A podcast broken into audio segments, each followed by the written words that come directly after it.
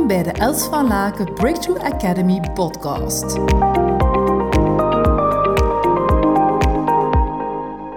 Merk je dat ook soms, dat je soms blijft vasthangen in het verleden en dat je dan zo gaat naar stukken zoals, ja, had ik maar, had ik het maar zo gedaan, als dit, als dat.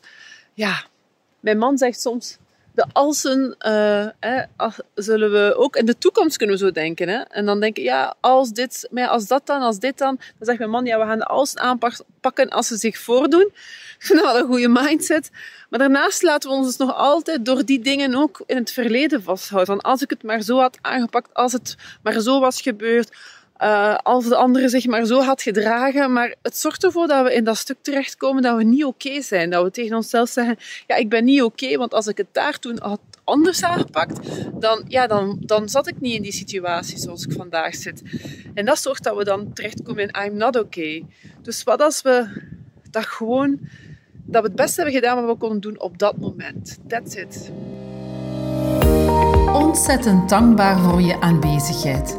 Verspreid samen met mij deze positieve energie en tips. Deel deze podcast op je social media. Wil je graag persoonlijk contact? Mail me op hello@elsvalaken.com. We beantwoorden elke mail. Tot hou!